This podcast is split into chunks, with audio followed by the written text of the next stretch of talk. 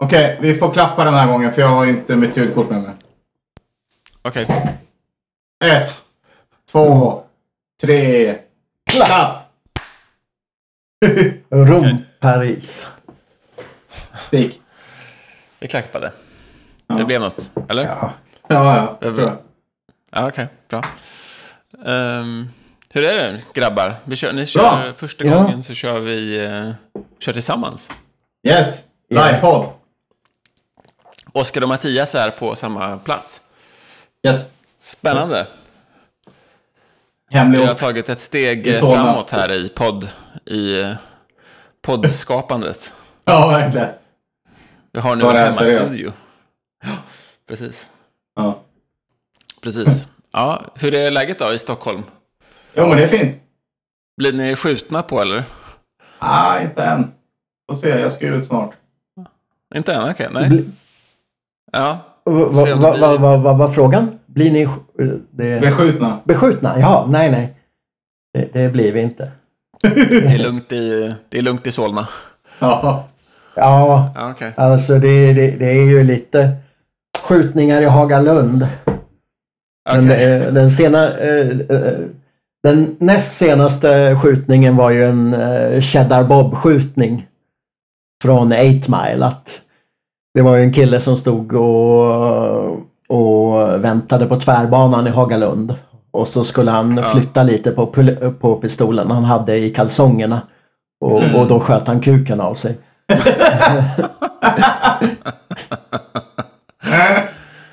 Men, Det är det men, men som- sen... det har inte- eh, Det har inte blivit någon stor nyhet. Nej, nej. Det Men, men, tiger om.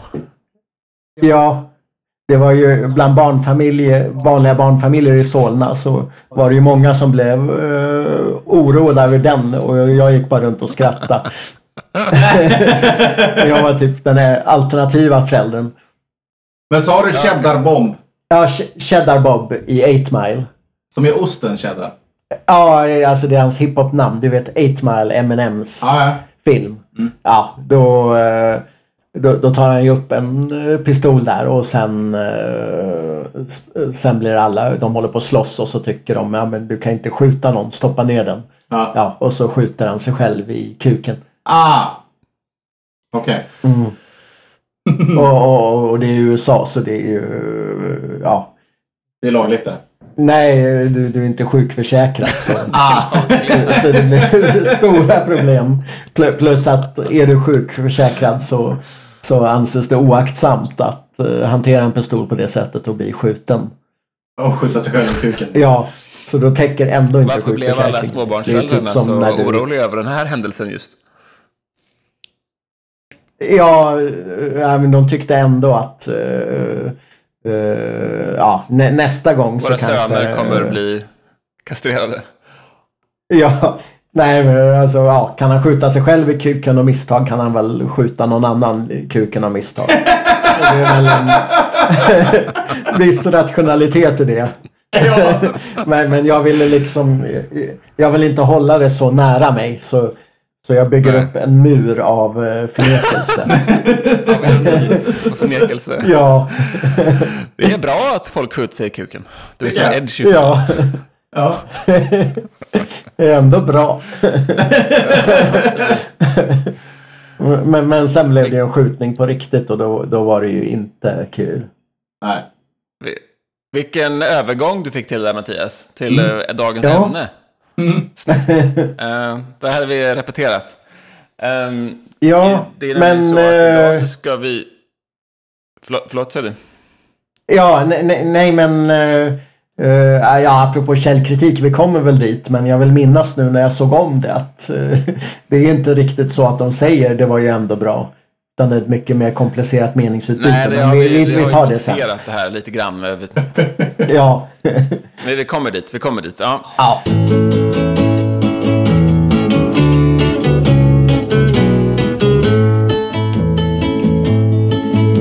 Ja, eh, välkommen till Bron över Rättvik. Eh, I dagens avsnitt så har vi gått tillbaka och sett ett tidsdokument från vår egen uppväxt på 90-talet. Dokumentären Punkilandia. Och eh, Eh, Vi kommer gå igenom vad som händer i dokumentären men vi uppmanar alla att se första halvan av Punkelandia själva och bilda er egen uppfattning. Men eh, ni får här en möjlighet att eh, även eh, ta del av våran uppfattning av hela Punkelandia.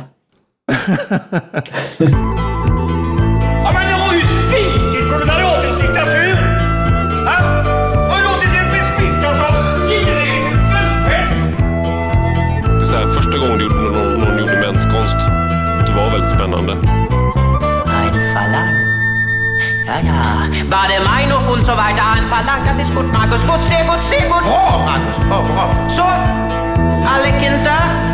Also säg efter mig bitte.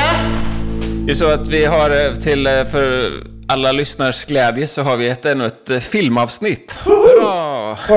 nu blir det, nu blir det jubel ute i stugorna. Eh, Fuck you! Men, eh, fuck you, precis. Eh, så filmavsnitt, vi har sett, eh, vi har igen sett kan man säga, eh, en, eh, en klassiker. En svensk dokumentär, Punkilandia. Yes. Eh, regisserad av Boel, det här är svårt, Boel Amegrissi och Oj. Ylva Gustafsson. Oj! Ja, ja.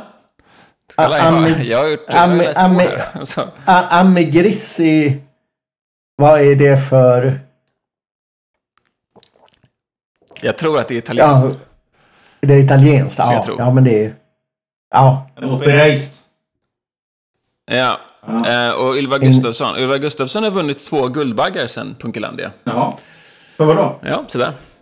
Ja, det Var, varför fick Men, inte eh, Punkelandia. Guldbaggen? Ja, varför? Det är det ingen som, det är ingen som tar upp. Nej. Eh, ja, vi kanske, vi kanske kan gå igenom det här och sen så kan vi besvara det i slutet av avsnittet. Ja. Kan Ja, ja. Klarna då? Jag, jag har ju en gång i en facklig förhandling.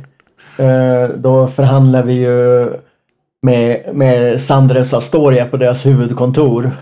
Och då hade vi placerat oss så att eh, vi i förhandlingsdelegationen satt eh, vid fönstret och att eh, vi var som en mur bakom arbetsköparen och alla Guldbaggar.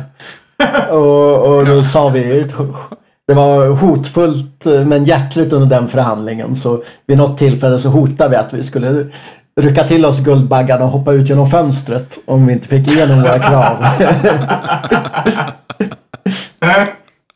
Men- de tog det ändå på ett bra sätt. Ja, det är bra. Okej, ja. Um, Punklandia är från ehm, 1997, tror jag. Ehm, den utspelas i alla fall då. Eller, ja, den utspelar sig då och, och även 10 343 Just det. före Kristus. Ehm, men mest är det ju 1997 då. Ja. Ehm, och eh, den följer ett gäng punkare i Stockholm. Eh, och det var ju liksom under den här, de här åren då det blev en, en slags punk-comeback i, i Sverige.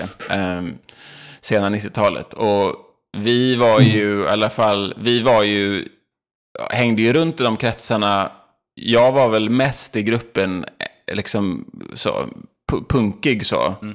Mattias var ju mer hiphop och Oskar är ju mer syntig. Så, men, så jag var väl mest punkig. Men vi har ju alla hängt, hängt eller lyssnat mycket. Jag lyssnar väl mest på musiken och sådär kanske. Men eh, vi har ju alla hängt runt i den här miljön väldigt mycket. Så att det, det här är ju lite som att ta, se en... Det är ju lite, lite som en dokumentär från tonårstiden. Sådär.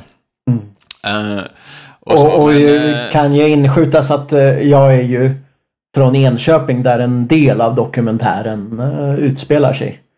Precis, och det är ju Den dokumentärens... bygger mycket på kontrasten Stockholm-Enköping. Precis, och det är ju liksom har gjort samma resa. dokumentärens, dokumentärens hjälte. Eh, vi kommer ju komma in på det. Kalle är ju från, är ju, från Enköping. Eh, Så att det, ja. Mm. Men eh, ja, det är, ju, det är en ganska märklig dokumentär. Det är, det är ju inte en jättebra dokumentär kan man inte påstå. Ehm, men eh, ja, den... Hur som helst. Så den, den, den öppnar ju liksom med, den öppnar ju med Kalle, då, från, Kalle från Enköping.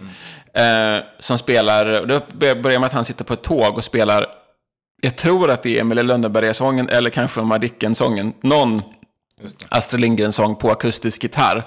Eh, och det tänker jag, det är en ganska, det är liksom en perfekt öppning på något sätt. För att den svenska, den här 90-talspunken, det är ju väldigt mycket referenser till sådär barnkultur, alltså hela tiden. Det, är ju, det finns ju otaliga trallpunkvideos som typ är så här, man, de åker sparksy man åker sparkcykel eller man leker i en sandlåda eller sådär.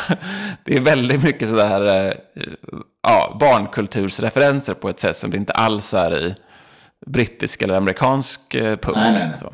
Så. det är ju passande på något sätt. Ja. Men sen, sedan så tar dokumentärfilm, gör dokumentärfilmerna vad man skulle kunna kalla ett kreativt språng. Och eh, klipper då till Stockholm 10 343 före Kristus och visar de första punkarna. Ja. Eh, som är någon slags svartvit klipp då med två stycken tjock, tjocka som eh, sitter vid en eld. Eh, och så över detta spelas eh, Susie and the Banshees, någon låt. Jaha. Och så hör vi att det var en gång eh, en märklig företeelse i musikvärlden kallad punk. Eller som på engelska punk. det är väldigt bra att man förtydligar det där. Eh, och sen, och sen enligt ordboken översatt med strunt, skit. Och redan där så kände man ju wow, det här är, det här är en bra dokumentär. När man redan den första minuten hänvisar till, sådär, börjar som ett svenskt, sådär, med ett... Eh, ett bra bröllopstal sådär, enligt ordboken. ja.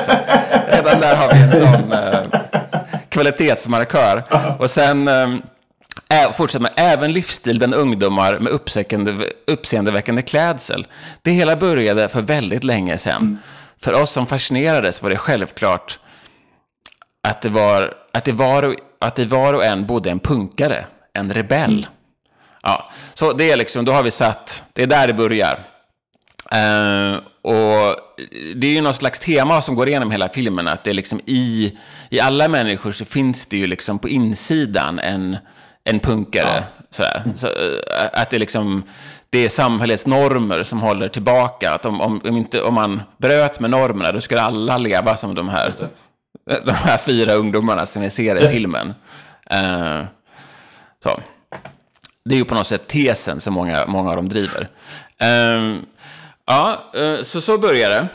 Men det är Rebell Robban och hans vi- fru som spelar de här. ja, precis. Alla skulle bli som dem ifall inte, ifall inte de här normerna i samhället. Rebellrobban och hans vänliga punkfru. Ehm, som ser mest ser väldigt besvärad ut genom hela, hela filmen. Eh, och sen, sen så klipper vi och så får vi lite mer historia här. Jag bara går igenom det lite snabbt. Ja. Men vi ser Sex Pistols. ehm, och så säger man jämför med Sverige och säger liksom att i England där var det hårt, men i Sverige så var det liksom tråkigt och 70-tal och väl, välordnat sådär. Ehm, och då så är det en otroligt, det är ett otroligt klipp, ett historiskt klipp med några tror jag, arbetare som flyttade träd, eller vad det är. Beredskapsarbetare från... eh, ja. Precis, det är ett, gäng beredskapsarbetare som, le- som leds av en skäggig man. eh, som, och så frågar de honom så här, ja men eh, är det inte lite för mycket det här att man identifierar sig med, med arbetet och så vidare? Och han tycker, nej, eh, så är det inte alls. Det är genom arbetet som är, det är det som är det primära. Ja. Det är där man får sin identitet. Eh, men det menar filmmakarna, det är fel. Utan det är liksom precis tvärtom. Att punkarna vill inte ha någon, något arbete och vill inte ha någon identitet. Eh, men det är ett otroligt fint klipp Ja. det här. Med den sk- skäggiga mannen. Ehm, De, de gräver upp ett träd på ena sidan av en fotbollsplan och flyttar det till andra sidan av fotbollsplanen. Ja, Och gräver ner igen. Eh, Ja. ja, för, för att få arbete. Jaha, okej. ja, och få, för att få identitet också. Ja, ja, visst. Ja. Inte minst. Eh, och sen, sen så är det ett till historiskt klipp som är väldigt roligt också. Med, det är en kvinnlig politiker, jag tror att, jag inte gissar att hon är politiker eller jag vet inte vem det är riktigt. Men som, det är något slags samtal, panelsamtal om punken.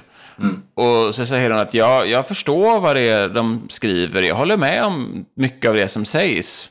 Eh, och det är det här att man åker till arbetet fram och tillbaka och man, man känner sig som en robot. Och då blir hon avbruten av någon i publiken som inte alls ser ut som en punkare, Nej. utan ser ut som en ung moderat, men som skriker Hela skiten är en zombie! Du är en jävla zombie alltså!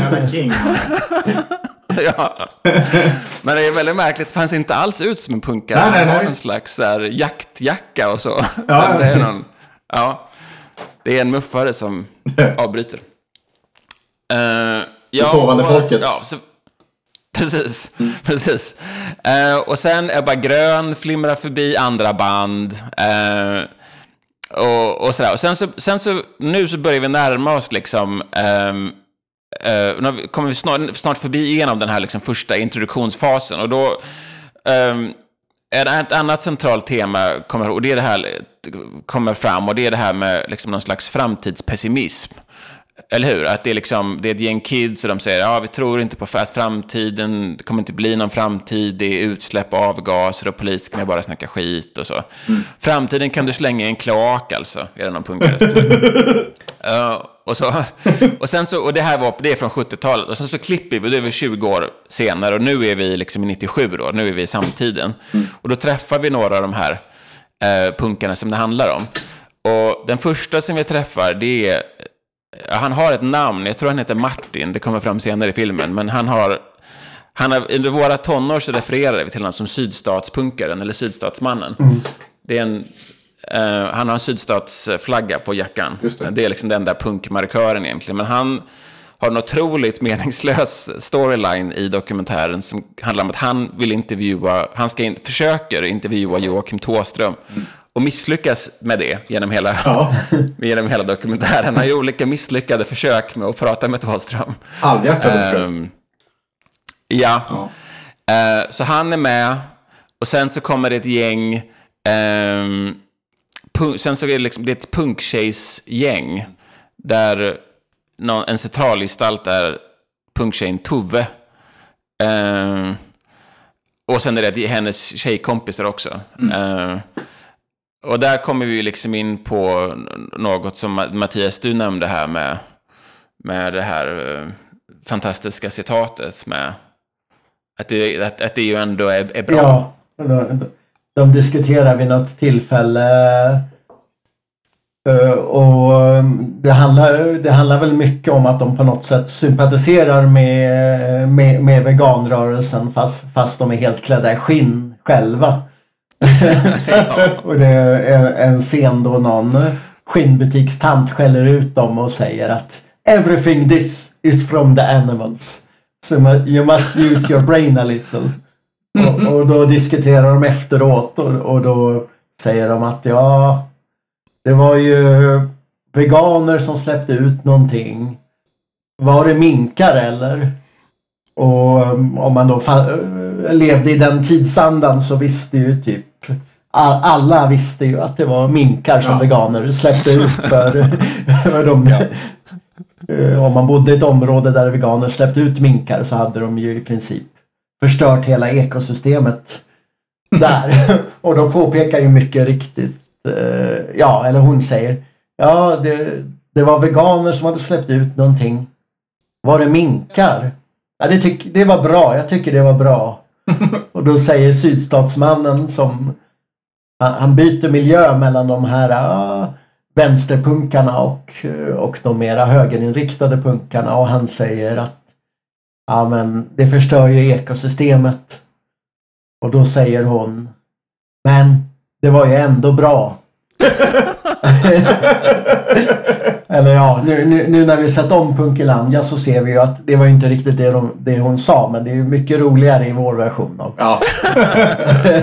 så så det, var, det var ju ändå bra var ju ändå det hon sa. Ja, Så där klipper vi bort. Ja, men precis. Ehm, det, var, det, är en, det är nog också ett otroligt klipp i början när Tove pratar om um, någon annan demonstration de har varit på. För det är, det är otroligt rörande den här demonstrationen de gör utanför den här pälsbutiken. För det är ju att det står sex punktjejer utanför en pälsbutik och ser förvirrade ut. Och sen till slut då så kommer den här tanten ut och skäller på dem på engelska. Och då så ser de ännu mer förvirrade ut. Och sen, ja det var väl det som var den här aktionen. Ja. Men eh, de pratar också om att de... Så här, jag har skrivit ner det här citatet. Eh, för ett tag sedan stod Sverigedemokraterna och pratade på Sergels torg. Och vi var där och demonstrerade. Var fullt med poliser där. Vi störiga ungar och anarkister kom dit. Vi ville inte att de skulle stå där. Så till slut så, en gång när vi skulle ut och demonstrera igen, och då stod de inte där. Och då hade vi liksom klarat det på något sätt. Det var jätteskönt. Mm. Det är så rörande. Det är så rörande att hon... ehm, ja, men det är fint på något sätt. Men det var, Mm, det var liksom på något sätt så som man... eh, Så roligt att kontrastera liksom sådär som man såg politik på sådär mitten, slutet av 90-talet och hur man kanske ser det nu. Liksom, att det var, det var liksom det som var sådär, det var det som var politik. Att, att de inte stod där och då hade man ju klarat det på något sätt. Precis. Det var det som var, ja, det var, det som var politik. Ehm, men sen hur som helst, vi kommer in sen här så träffar vi filmens eh, hjälte, eh, Kalle, igen då, efter att han har spelat gitarr här i början. Eh, och, det, och han pratar, sitter på tåg och så pratar han om att man liksom... ehm, eh, han säger att man måste vara normal för att inte bli nedslagen. Eh, men han blir nedslagen för han är anarkistpunkare personligen.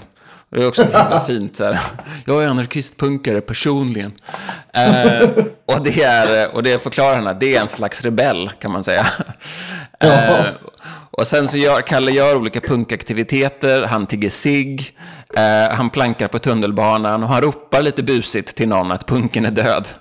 Ehm, och sen så förtydligar han så här att han har varit utanför liksom, socialt sen han gick på lekis. Och vi, sen så träffar vi Rebell-Robban eh, som spelar gitarr i tunnelbanan.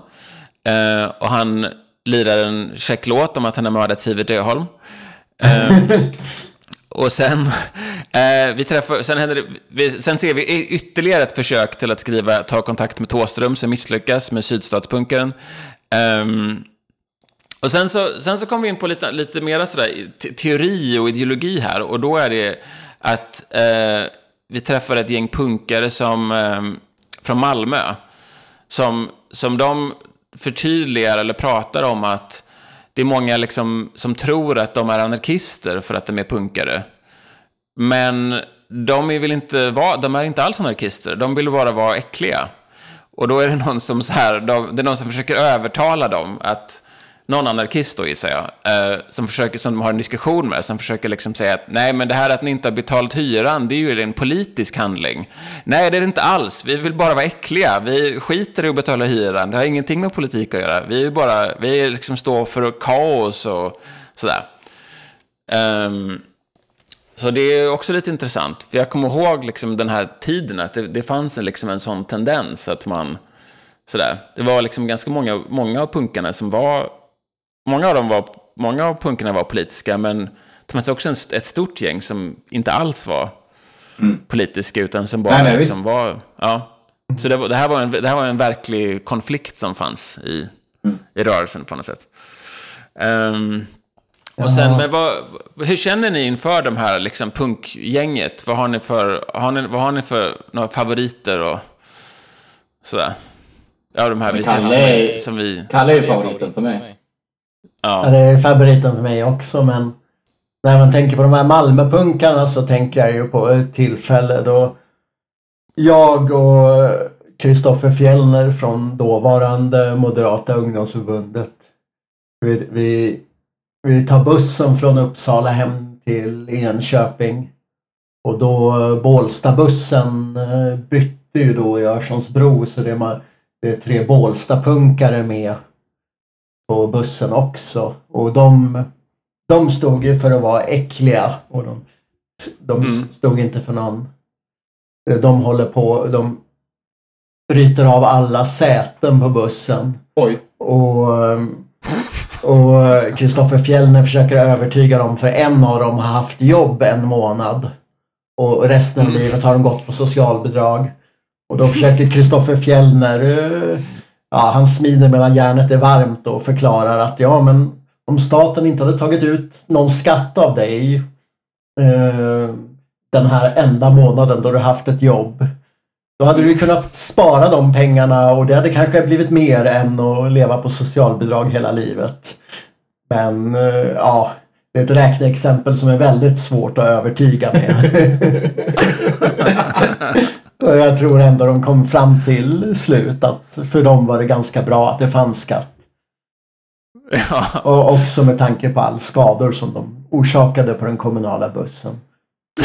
Men jag kommer ihåg, eh, ja, konversationen började med att en av punkarna frågar mig, är du kommunist? Ja, och då säger jag, ja, jag är onanist. Ja. Och så uppstod den Där var du politiska väg. debatten. ja.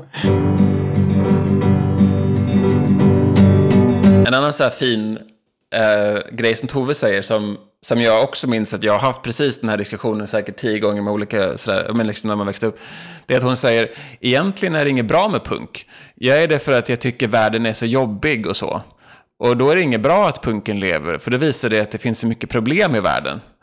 Och jag kommer ihåg att det var precis det samtalet man liksom haft med olika punkare också. Liksom så här att, ah, men vi är ju det här som en, vi är ju punkare som en protest.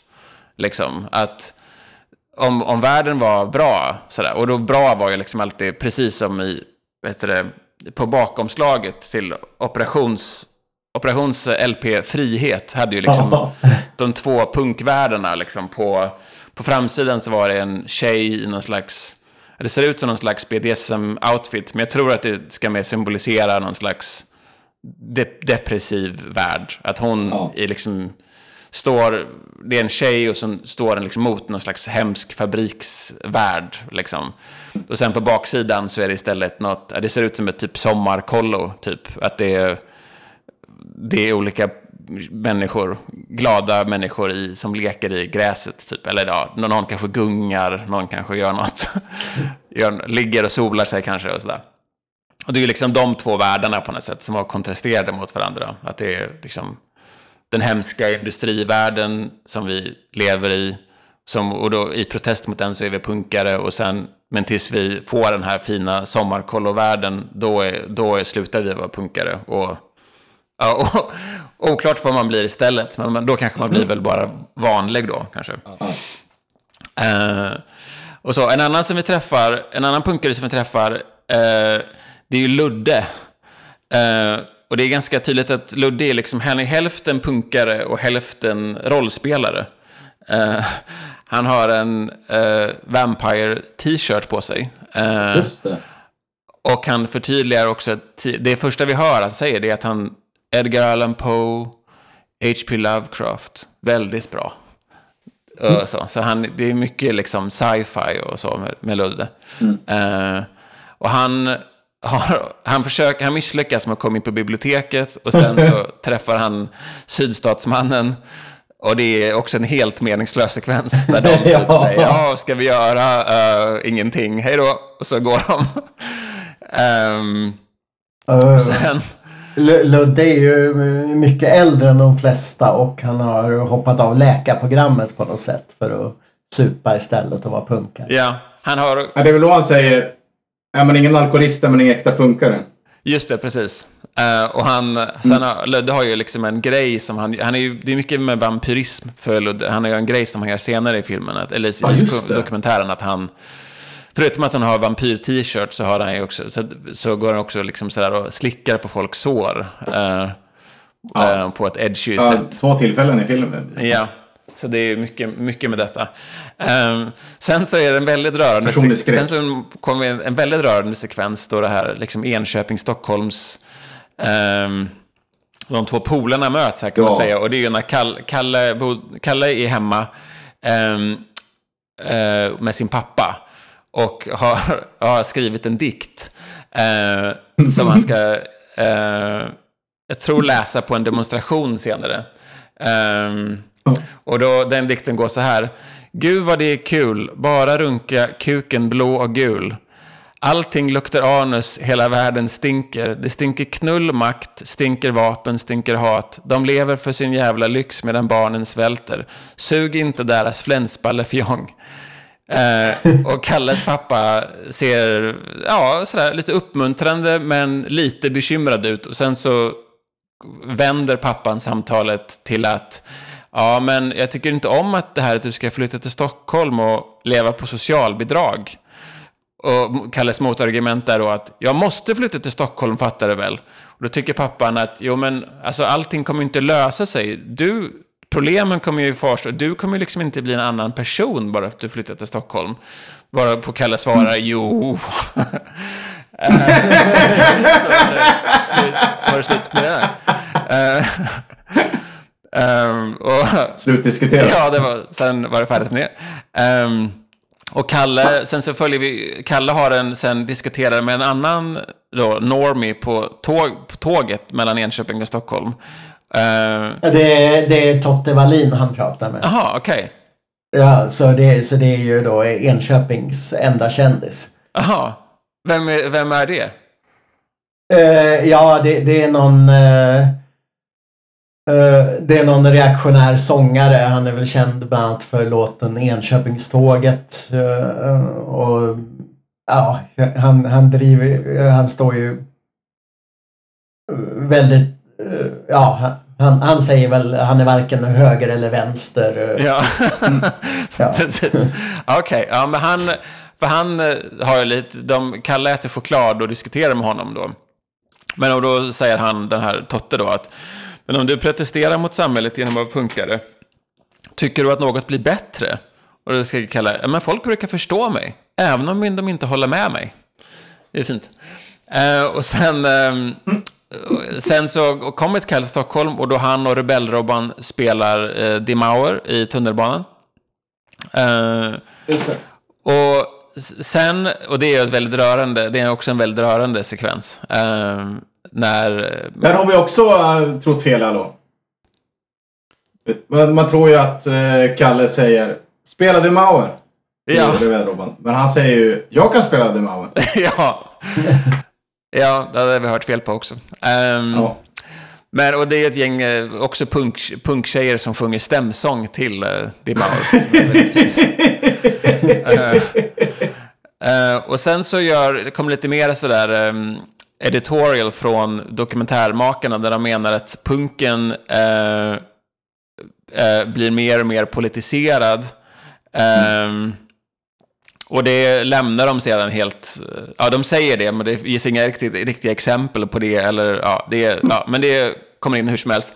Och sen så är vi tillbaka med sydstatspunkaren. Det är Café 44 och det är kanelbullar. Eh, extra mycket smör. sådär. Ungdomarna har ingen lokal snack. Ehm, Och kommer Tåström komma till 44? Nej, det gör han nog inte. Eh, så det, ja, mera Det är något misslyckat Tåström. veganband ikväll. Ja, mera... Det, det, det, det man undrar, eh, alltså var, varför går han inte dit en kväll när det inte är veganband? För då brukar ju Thåström komma. Ja. Ehm, sen så, vi, vi har lite mera sådär punkfest. Vi är tillbaka med Ludde. Ehm, det är också sådär, någon, någon skär någon annan. Eh, Någon skär någon slags hög, en, hög, en av högerpunkarna som Ludde hänger med. Han blir skuren med en kniv. Sådär kamratligt skuren med en kniv. Inte som att han blir, ja.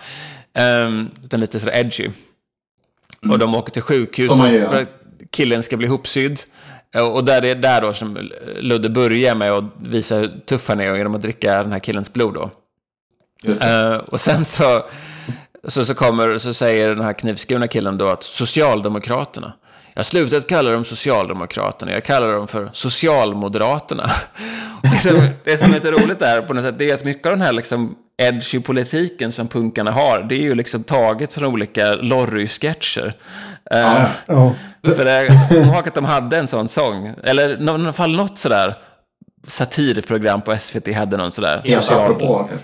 Ja, ja, men något sånt. Jag kommer inte ihåg vad det var, men något sånt där. Eh, det är många av de här, det är, det är många av de här ehm, ja, men idéerna som är direkt lyfta från olika satirprogram Ja. för 40-åringar. Ja. Ehm, Och då äger Ludde honom med fakta och logik. Där. ja, det gör han verkligen. Ehm, så här, det här meningsbytet är ungefär så här. Ehm, men Lud, Ludde säger då, svarar då, det borde du gilla, du som är höger. Jag är inte höger på det sättet. Jag är varken höger eller vänster. Du är fascist. Ja, men i en fungerande fascism så är den inte totalitär. Jo, det är den. Kan du tänka dig någon i en fascistisk stat som går runt på gatan och skriker jag hatar staten, klär sig i kvinnokläder i bög och skiter på ett porträtt av Franco? Då, då, då svarar han här, då försöker han rädda situationen, den här högerkillen då, genom att säga att Franco var ett CP. det är, men ja, men Ludde har ändå vunnit den diskussionen, kan man säga. Ja, ja. Eh, men det var också så här ganska spännande på den tiden. Att man, jag menar, att det, det hände ändå så att man i punkmiljöer träffade folk som var, ja, men typ var fascister. Eller i alla fall sa att de var det. Uh, Medan idag så tror jag det är väldigt svårt att hitta någon miljö där liksom, man, man kan vara kommunist och hänga med någon som är fascist. Um, ja. Ja. Förutom, förutom på Oikos då, möjligtvis. Som man- Malcolm hänger med olika. Som på, olika man, kan vara, man kan vara påstådd kommunist och hänga med fascister. Men det är ovanligt att... Ja. Ja, när jag har varit på fester i Köping, ja, då har det varit fester med, med punkare och raggare och då har man ju träffat väldigt många. Mm. Eh, ja. Eh, I, I vissa fall fascister och i vissa fall folk som, uh, som tycker eh, ja, det är en punkgrej eller en eh, motstånd mot samhället grej att säga att man är nazist för att uppröra. Mm. Mm. Jo, men precis. Det är, många, det är mycket så. Det är lite som det här att Ludde dricker blod. Att det är, det är ed, lite edgy så. Sen så träffar vi ett annat, ett annat punkgäng som, de är inte med så mycket i själva filmen, men, men de, de, de är väl de som är lite mera, eh, ja, det, det sägs inte rakt ut att de är na- nazister, men det är, men, det- men det är i alla fall så att de, eh, de har ett behov av att förtydliga att de inte är rasister. Vilket man då kan anta att de är det. Ja. Eh, Jag tror att det är de som kallades för militanta kaospunkare. Men ja, nu kommer säkert någon med bra koll på subkulturmiljön läxa upp oss, men jag tror det. Ja, det, får, det, det, det tar vi så gärna på kinden. Ehm, men, och de säger också att det är roligare punkare utanför Stockholm. Ehm, så det kanske är lite det här med miljön som du pratar om, Kö- som har levt kvar i Köping. Ehm, och de har också det här perspektivet att man blir inte frisk av att äta veganmat, man blir frisk av att äta kött och godis. och sen så, sen så, sen så stiftar vi bekantskap väldigt kort med aktionsgruppen Sparka uppåt, inte nedåt. som, har tagit, som har tagits in på DNs reaktion för att uppmärksamma vad 30 november verkligen handlar om. Det sägs inte alls vad det är. Nej. Det är väldigt otydligt om den här aktionsgruppen är en högergrupp eller en vänstergrupp. Eh, man får gissa på namnet att det är en vänstergrupp, men det är Ja. väldigt otydligt. Alltså här, Ja. Det känns som att någon gång, ungefär här, alltså typ halvvägs in i dokumentären, då har de slut på material. Och nu, är, nu blir det mest ol, otroligt, oli, olika otroligt långa sekvenser där punkarna går i olika demonstrationståg. Men de säger liksom inget mer. Nej. Från nu ungefär så är det bara så här kravallbilder ju- och Ja, precis. De har ju en del eh, liksom... tråkiga eh, demonstrationstågbilder.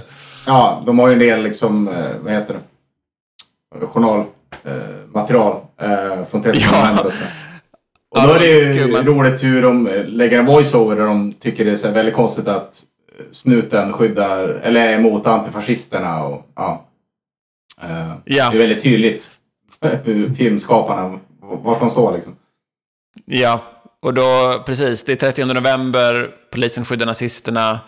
Eh, tjejpunk- Tove är tillbaka i tjejgänget. Eh, Det är en av dem som har blivit, eh, får stryk av polisen. Ja, Ja. men, det är inte Ganska på, allvarligt, ganska allvarligt ser det ut som. Ja, ja, visst. men det är inte på 30 november utan det är eh, 30 november hade redan dött ut då utan det är en demonstration eh, NSF la en demonstration mot Bonnier på, eh, på Kristallnatten fast och det är en motdemonstration mot eh, den. Jag, jag var där. Mm. Okej. Det är ju inte alls tydligt i dokumentären att det är så. För, Nej. för I dokumentären, om man, om man inte var där så framstår det som att det är 30 november. Ja. det är det Ja. allting pratar om. men, eh, men de, Tove, de, ja, de tycker synd om polishunden i alla fall. Ja. Eh, och det är också ett otroligt citat från Tove. Man kan gå hur långt som helst, bara man inte dödar människor, för då blir det bara värre. det är också en slags tydlig skillnad där mellan punkarnas anarkism och någon slags leninistisk linje. Ja. Eh, det, är väl, eh, det är väl precis när man dödar människor som det inte blir värre utifrån något leninistiskt perspektiv. Men hur som operation något att ta till sig. Ja. Eh, men ja, någon av punktjejerna i alla fall blir spöad av polisen då. Eh, och det ser ganska allvarligt ut. Ehm, Visst.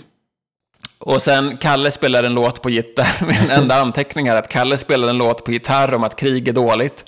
Eh, Ja, det vill, han vill och, att eh, hela världen ska vara en lekplats så att alla ska vara som barn och, och leka och det Ja. ska finnas någon ondska. Jag minns eh, från församlingen där. Vi samlades ju ja, utanför Elloborgen, Bonnierhuset och, och väntade på nassarna.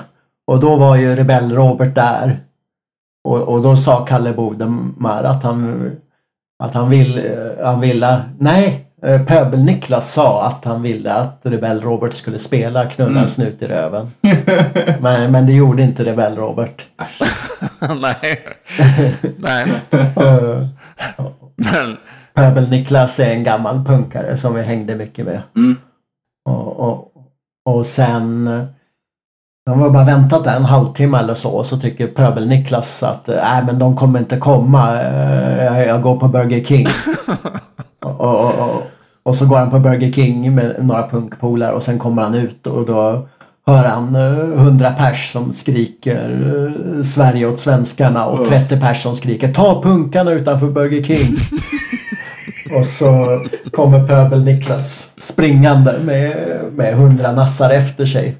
Och det blir först panik och eh, det är typ att hela demonstrationen är på väg att fly men sen eh, sen är det någon som börjar skrika inga fascister på våra gator och då vänder hela demonstrationen och börjar springa mot nassarna istället. Och, Ah. och så räddar vi livet på Pöbel-Niklas och så får de fly, fly därifrån. Till, till, tills polisen kommer då och börjar ge sig på oss. Mm. Det var, det var ändå det var en fin dag. om Rebellrobban bara hade spelat Knulla snuten i röven så hade Ja, Niklas inte behövt riskera livet på det här sättet. exakt. Nej, Kan man lära Det- sig från det. ja. Och då hade nog, då hade nog inte hon fått stryk av polisen heller. Nej, just det. Just det. Det är, efter, med tanke på att Rebellrobban idag vägrar spela Knulla en snut i röven och, vägrar spela någon av sina gamla låtar så kan man ju ifrågasätta om man inte har ja, om man inte har ett ansvar att göra det. Ja. Precis. Um, Okej, sen den, ett annat, vi börjar närma oss slutet här, men ja, sydstatspunkare misslyckas igen med att få kontakt med Thåström. Uh, jag tror att det är sista gången. Den här gången är det på hans skivbolag som han vandrar upp till. Um, ja, Thåström hänger inte där på dagarna. Nej. Sen Ludde tittar på en dokumentär och det här är ett fruktansvärt långt och tråkigt segment. Eh, Men i alla fall, jag tror, vi får en lite, jag tror att vi får någon slags inblick i varför filmen heter Punkelandia här. Och det är för att Ludde Ja, säger, säger det? Jag heter Ludde och jag tillverkades på fabriken i Punkelandia någon gång 90. Innan dess är allting svart. Alla människor är idioter. Det är en teori jag har. Jag får den bekräftad hela tiden. Jag har inga planer för framtiden, för jag tror inte det blir någon. Ja. Ehm, så jag antar att det här Punkelandia kanske är någonting som... Ja, det var ingenting som, som jag hörde under de här åren, så jag gissar att det är någonting som Ludde säger där och så tänkte de, ja det var ett bra, det var ju käckt. Det döper vi den till. Ehm, och sen så kommer det ett nytt, sen kommer det ett nytt segment i filmen. Det är ju lite olika segment så här. Och då nytt avsnitt med en titel, Hardcore-punken. Och sen så i Sverige kallad råpunk, crust etc. Även kallad kängpunk. Och sen så släpps det här helt igen. Det är liksom det här bara, det återknyts inte till alls. Eh, Okej, jo, Martin, sydstatspunkaren som då introduceras av Martin när det är typ fem minuter kvar. Han misslyckas igen med att få ta kontakt med Thåström. eh, och sen är vi på någon slags spelning. Och det här gissar jag att, det här får jag, i alla fall jag känslan av att filmskaparna har liksom eh, bjudit in alla, eh, alla filmens, liksom, de här som eh, medverkar i, i, eh, i filmen. För att på den, här, på den här konserten så dyker Tove upp och Kalle är där och sydstatspunkaren är där och sådär. Man får liksom någon slags bild av att de har tänkt sig att det här, nu ska vi knyta ihop säcken här. Vilket ju inte görs alls. Ehm, Utan det är en, en konstig segment där de här olika karaktärerna träffas på någon slags eh, fest eller på någon slags spelning. Ehm, men eh, ja, de hänger inte med varandra, det finns ingen kemi, de, ja, det är bara, de bara släpper det.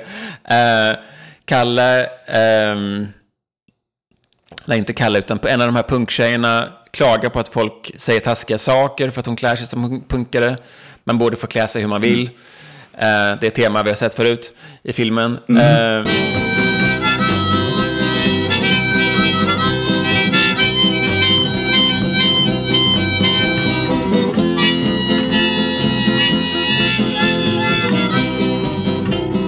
Okej, sen är vi, ja, vi tror vi är på en, precis, Enköpings tågstation. Då Kalle har skrivit en till dikt. Eh, med, som går ungefär så här. Jag vet att du sitter där hemma med kuken i din hand, med sängen full av sperma, när svarta spöas i ditt land. Du har blivit sinnessjuk av skit, skiten som du sett. Your hate inside, make, make, inte makes, make me puke, samhällsinsats, hjärntvätt. Och sen är det då, jag tror att det här som händer på slutet är att det är en antipolisdemonstration. Ja, Där det- då man demonstrerar mot polisvåldet här då, som den här tjejen till exempel blir utsatt för. Och då läser Kalle också den här dikten som han har skrivit om sängen full av sperma. Och alla applåderar. Ja, då har han lagt till eh, en slutkläm. Precis. Snutfascist, tänk om. Snutfascist, tänk om. Snutfascist, tänk om. Du fattade vad du gör. Att ditt samvete dör. Och sen så spelar Rebellrobban Knulla en snut i röven. Och Äntligen. sen är det slut. Jaha, Lite det... mer. Eller det är Säg- en antiporr-demo på slutet också. Ja. Eh, men det är väldigt, det är väl, nu är det mest liksom bara ja, olika rapport eller aktuellt inslag med olika nyheter. Ja, det är slut här. Men säger han att ditt samvete dör? Jag har alltid trott att han säger allt ditt samvete bör. Mm. Att det, det, det handlar om att Aha, samvetet pratar med snutfascisten om att han borde göra. aha, så kan det vara. Ja, Ja. jag har hört det som att ditt Poetiskt. samvete dör. Ja, det, det, Men- kan, det, det, det, kan, det är också väldigt logiskt. Det är ju mer logiskt nästan. Allt, att ditt samvete dör. Så här är det ja. stor poesi, att man kan tolka den på olika sätt. Så Ja, det. Antingen är det ju en inre konflikt inom snutfascisten. Där den Ja. vill gö- göra det rätta men den måste lyda order. Eller också så är det eh, Ja, eller också är den helt enkelt en Robocop. Helt känslolös. Ja,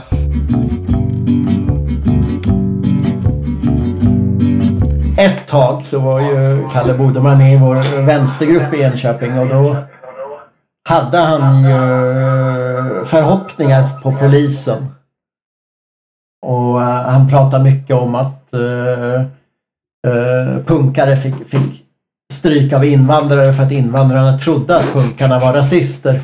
Och då ville han att vi eh, Eh, att vi skulle bjuda in polisen och så skulle polisen och Kalle Bodemar tillsammans gå ut i Enköpings-Posten och säga att punkare inte är rasister. Och om polisen vägrade göra ett sånt uttalande då skulle vi använda det som bevis för att de var fascister. Men han trodde samtidigt att det fanns goda möjligheter.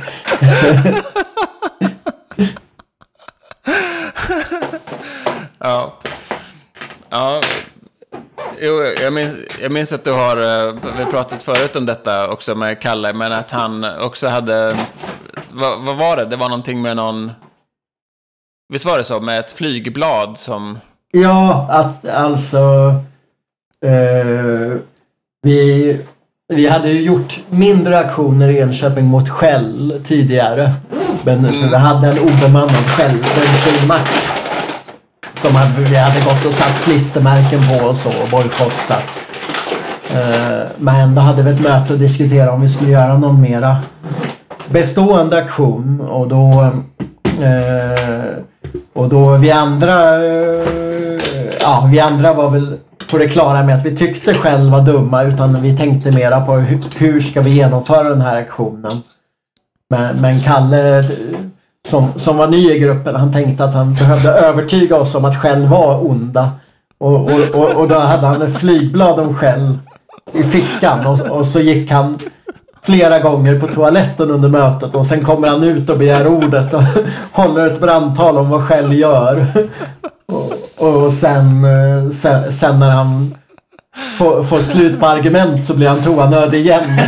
Och går på toaletten och kommer ut igen med nya argument mot Shell och vi andra bara ja men vi, vi vet att de är onda. Vi tänkte mera hur vi ska göra den här aktionen.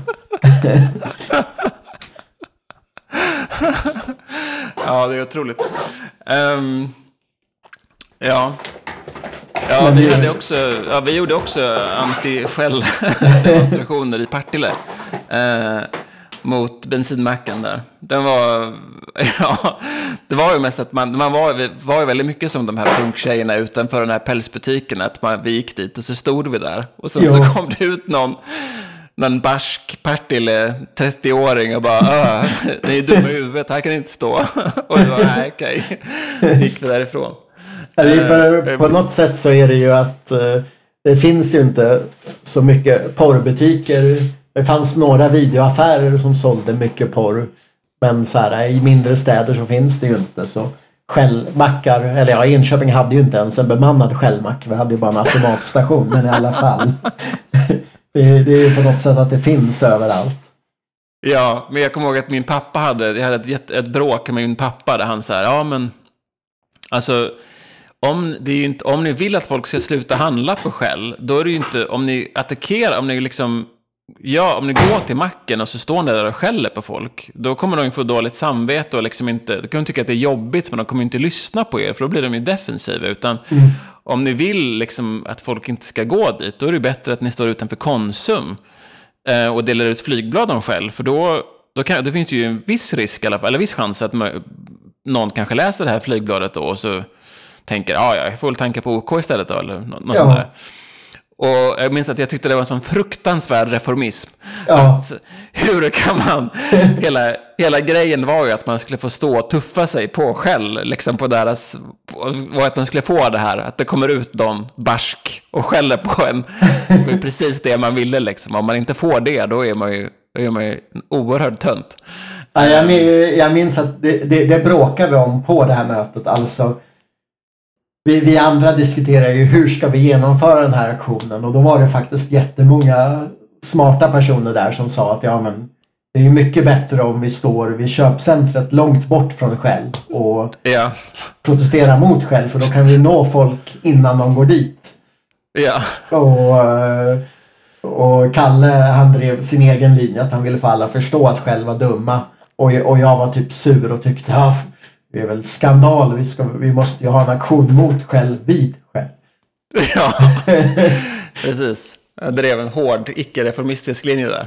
Ja, Ja, Vik- viktigt att få bli utskälld av en sur 30-årig småbarnspappa.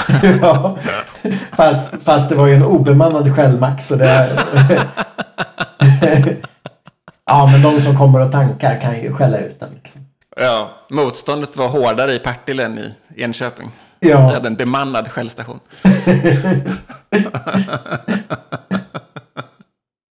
ja.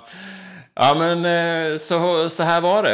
Eh, Det här var, det här var politik innan, eh, innan 9-11 var det här politik. ja.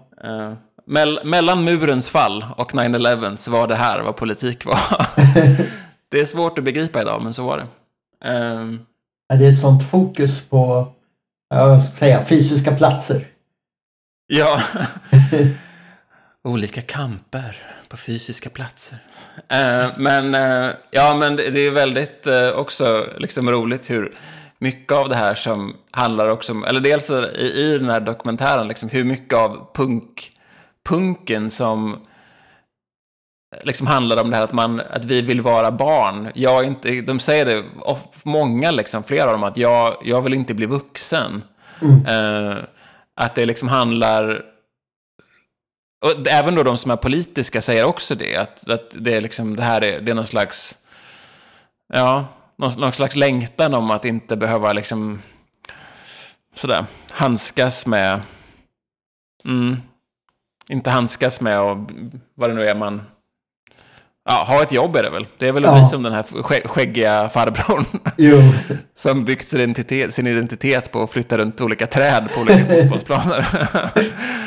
det är väl eh, det man undv- vill undvika, kanske. Ehm, ja. Ja, men det är liksom lite... Jag, tänker, jag, jag funderar på det sen jag såg filmen, liksom, att det, det är lite av ett dilemma det här. Att, så, tänk den här liksom, svenska välfärdsstaten som de, de protesterar mot. Alltså, det var ju ändå på många sätt, eller på en del sätt i alla fall, liksom det, det, det närmsta liksom, det närmsta sådär, socialism som vi har kommit sådär, i, in the, ja, i världen. Sådär, ja, kan man, skulle vissa, vissa hävda i alla fall. Och, och då att även i det, i en sån värld, så, så var vi liksom ändå, fanns ändå en sån liksom, framtidspessimism och, och sådär. Jag tänker ofta när man liksom pratar med folk här, så, eller man liksom läser samtida vänsterpress och sådär, så, så finns liksom en bild av att sådär, ja, men Sverige, det var, det var liksom under Palmes tid, sådär, på Mäster Olofs tid, sådär, så då var det liksom, ja, då, då var välfärdsstaten, välfärdssamhället, det var liksom så, ja, det var toppen. Det är dit vi vill, så.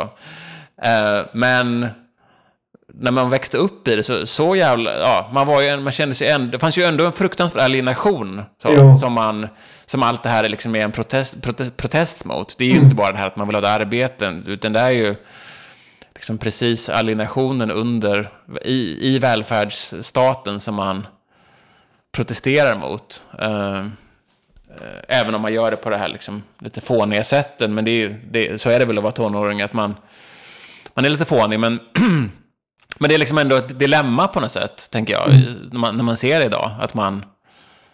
Att... eh, ja. eh, man, så när man, som subjekt i den här miljön, alltså att när man växte upp i den här miljön så kände jag ju inte alls att åh vad nära, åh vilken, sådär, vad härligt det är. Utan härligt det är att leva i välfärdsstaten, utan man kände sig liksom, ja, ändå trängd på något sätt. Och, Jo, alltså man, man kan ju man, man kan ju känna idag att, eh, att det var en väldigt oskyldig tid. ja, Ingen blev skjuten och så vidare. ja.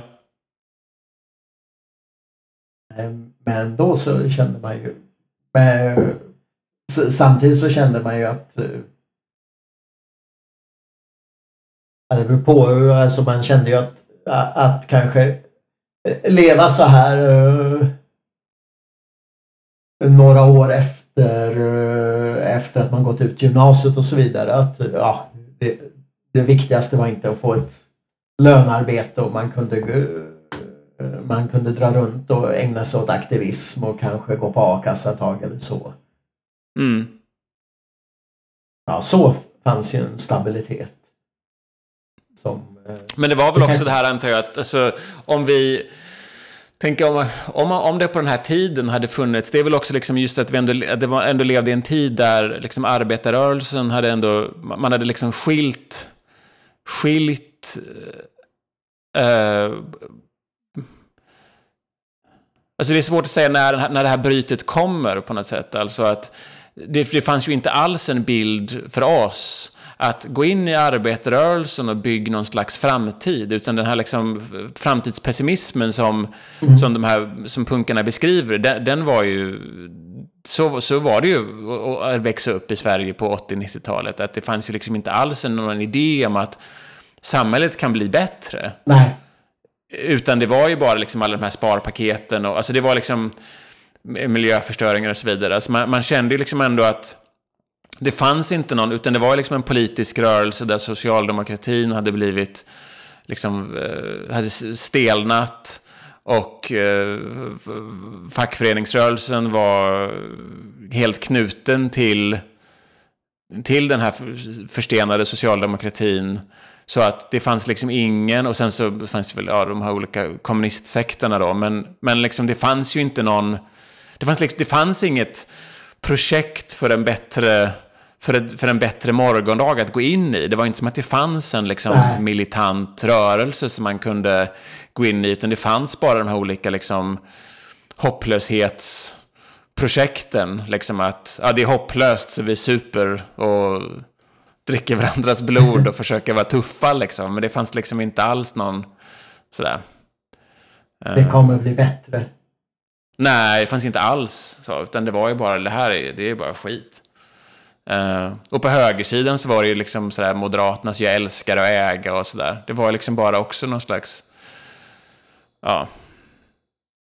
Ja, det var någon slags, det var ändå förstenad tid på något sätt. Att Mm. det var, det fanns ingen, ja det fanns inget hopp, utan det var bara att nu, nu, lev, nu är det så här. Det kommer bli Historien värre. slut. Nu, Det kommer nu, bli ja. värre visste, visste alla. Liksom. Ja. Så då är det väl en logisk reaktion att man, man gör så här, men, men det... Ja. Ja, nej, men det är intressant att titta tillbaka på. Ehm, och det är ju en väldigt rolig dokumentär. Ehm, ehm, det är ju väldigt, framförallt Kalle är ju en fantastisk, eh, fantastisk att spendera någon timma med. Jo, Ehm, alltså jag... ja, Och hans, jag minns ju... Eh, hans pappa hade ju från början, eh, om jag minns rätt, ett väldigt välbetalt pastortjänst inom frikyrka, tror jag. mm. tror inte, jag tror inte det var som riktig präst i Svenska kyrkan utan det var en frikyrka. Men, eh, ja, han var ju också någon slags rebell. eh. en, gång när, man var barn så var vi hemma hos Kalle. Mina föräldrar hälsade på hans föräldrar. Och, eh, och vi sprang runt och typ busringde hos alla grannar. Och, Eh, jag kom på, jag minns att hans pappa var väldigt så här, ja, ut och busa med er. Det var inte så här att, att det var något hemligt eller så. Nej. Det var en stor villa och sen eh, Sen en dag bestämde han sig för att barndop var fel och han vägrade utföra barndop och så fick han sparken från sitt jobb. eh, Riktigt så här rebell och liksom användet ja, ett arbete är inte det primära för mig. Det är att göra rätt. Jag Ja. kan, jag, man kan Jag inte... vill inte ha min identitet från, någon, från något pastorat. Ja. Och eh, ja, så, så det var verkligen så här att han att, att, att, han offrade sin, sin materiella välfärd för att, eh, för att göra det rätta. Mm. Men man ser att han är en väldigt fin och ja, ja, vidsynt person. Jag tror, Ja, verkligen. Eh, jag, jag tror att det inte var Svenska kyrkan utan det var någon. Det var Mm. Pingstkyrkan eller någonting annat. Så ja, en, ens, när man ser om dokumentären, ens, ens personliga fördomar om någon som är pastor i Pingstkyrkan eller så, det uppfyller han ju inte utan han är Nej, verkligen inte. Han finner sig i situationen och, och ger väldigt kloka råd till Kalle. Ja. Precis. Jo, och det känns, ju, och det känns som att Kalle eh, behöver de kloka råden. Ja, Från en kärleksfull förälder. Ehm, ja, men uh, ska vi... eh, vi kanske avslutar sådär för idag. Eh, det kan vi ta och göra. Det gör vi, och vi säger, men jag tycker vi ska säga, uppmana folk att titta på Punkelandia. I alla fall första halva. Kolla på första halvan, sen behöver ni inte se mer, men första halvan är rolig. Sen blir det väldigt tråkigt. Eh, och, men eh, ja, och vi säger väl som vi alltid säger att uh, stoppa in det för Ken Ring. Stoppa in den för Så hörs vi snart igen. Det gör vi.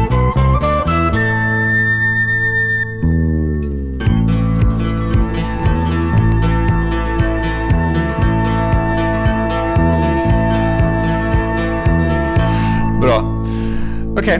Ja, Ja, då sparar vi. Och- Hej. det, det gör vi. Okej, Okej, vi hörs snart. Kram, kram. det vi. Kram, kram. Men du förresten, innan Ja. vi, vi, vi... Vi ska trycka på paus. Eller sto- stopp här, så kan vi... Jag trycker på stopp.